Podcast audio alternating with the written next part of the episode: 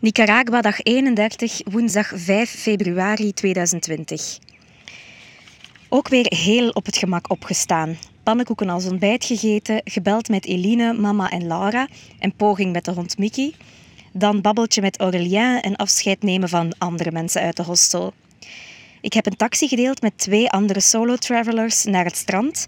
Vandaar heb ik dan een bootje genomen naar een punt waar een paard mij stond op te wachten om me mee te nemen naar mijn afgelegen hostel, de Surfing Turtle Lodge. Deze plaats is zo chill. Er zijn amper toeristen. We hebben een privéstrand met strandstoelen, een overvloed aan palmbomen en hangmatten. Ik ben nog eens gaan wandelen op het strand en gaan paardrijden. Leuk wel. Erna was ik echt geëmotioneerd door de pracht van de zonsondergang.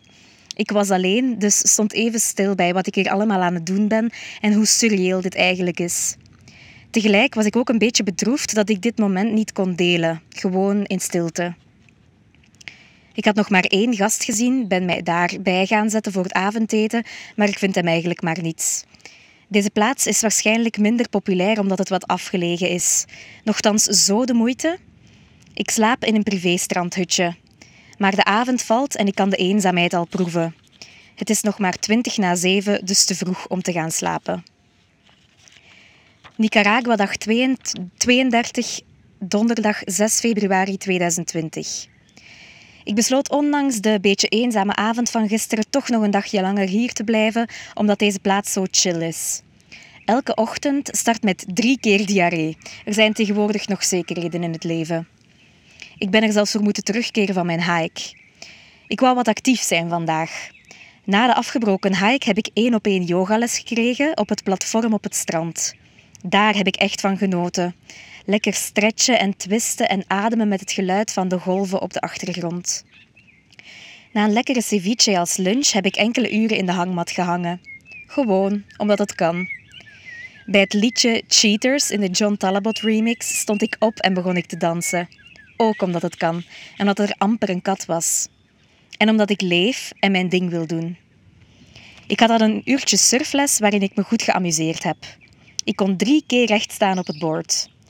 Daarna ben ik een toertje gaan lopen, ook weer leuk, tijdens de zonsondergang. Krabbetjes liepen over het strand. Ik bestelde de vis van de dag, waarnaar uh, ik al sinds deze middag aan het craven ben. Ik ging ondertussen douchen, omdat je hier meestal heel, heel lang op je eten moet wachten. Toen het er na een uur nog altijd niet was, ging ik even informeren.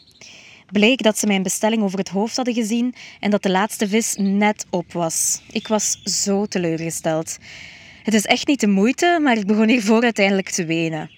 Ik heb hier nog niet zo lekker gegeten en keek hier zo naar uit.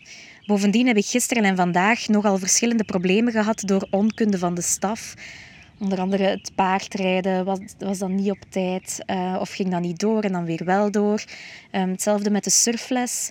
Ik had mij eerst geïnformeerd of ik de dag dat ik aankwam in de namiddag kon surfen, maar ze zeiden dat enkel mogelijk was in de voormiddag. Dus de volgende voormiddag was ik er dan en dan zeiden ze ja nee, het is enkel mogelijk in de namiddag. Dus dat was al lastig. Dan hadden we afgesproken dat ik om drie uur zou kunnen gaan surfen. Dan was ik er om drie uur en was de surfkerel er nog niet.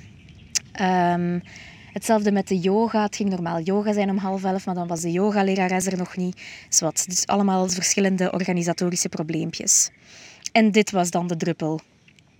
Iemand van de staf, die later de mege-eigenaar bleek, was wel zeer behulpzaam en bood me dan een maaltijd met drank en dessert aan ter compensatie. Plus, ik mocht mee in de taxi morgen. Ik had net voor dit voorval gezegd dat, ik, dat het me hier beviel en dat ik daarom een nachtje langer wou blijven. Hij zette zich even bij mij en voelde zich echt wat slecht en beschaamd. Dit is natuurlijk niet zijn fout. Er is nog een uh, raadseltjesavond vanavond, maar nu heb ik eigenlijk meer zin om gewoon op, op mezelf te blijven. Er is een groep mensen van G-Adventures aangekomen en het is best wel intimiderend om daar de avond mee door te brengen en te infiltreren. Vanavond wil ik gewoon op mezelf zijn. En dus trek ik me terug in mijn cozy hutje met hemelbed, lees muskietennet, met vogelgeluiden, krekels en het geluid van de golven. Ik slaap echt in de natuur.